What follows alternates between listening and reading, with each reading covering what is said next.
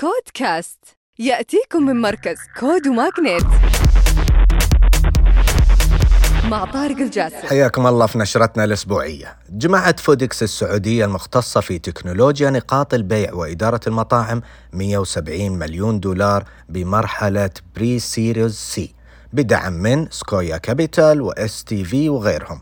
هالشركة تمكن أصحاب المطاعم من تسيير عملياتهم بسلاسة كما أنها تقدم خدماتها لجميع فئات قطاع المطاعم والمقاهي ومطاعم الوجبات السريعة.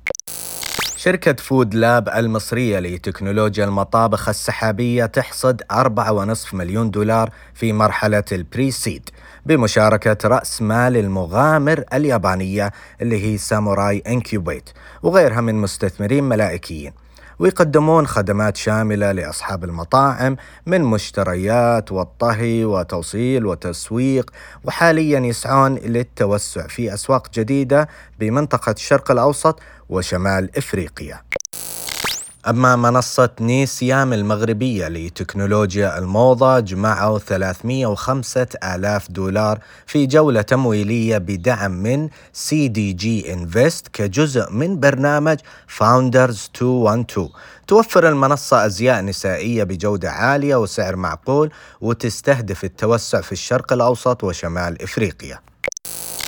وجمعت WiseWell لتكنولوجيا المياه 2 مليون دولار في تمويل. ال pre-seed بقيادة BECO Capital وصندوق رأس المال الاستثماري. هذه الشركة تستخدم تكنولوجيا المياه النظيفة وطوروا تطبيق يراقب جودة مياه الصنبور أو الحنفية للمستخدمين عبر أجهزة استشعار بالإضافة إلى حالة الفلاتر الخاصة بهم. وأخيرا منصة Abhi الباكستانية للتكنولوجيا المالية تحصل على 17 مليون دولار في تمويل Series A بقيادة Speedinvest و VEF و FJ Labs وتهدف لمعالجة الضغوط المالية بتمكين الموظفين من الوفاء بالتزاماتهم المالية من دون تحمل المزيد من الديون وتمكنهم إنهم يحصلون على رواتبهم مقدما.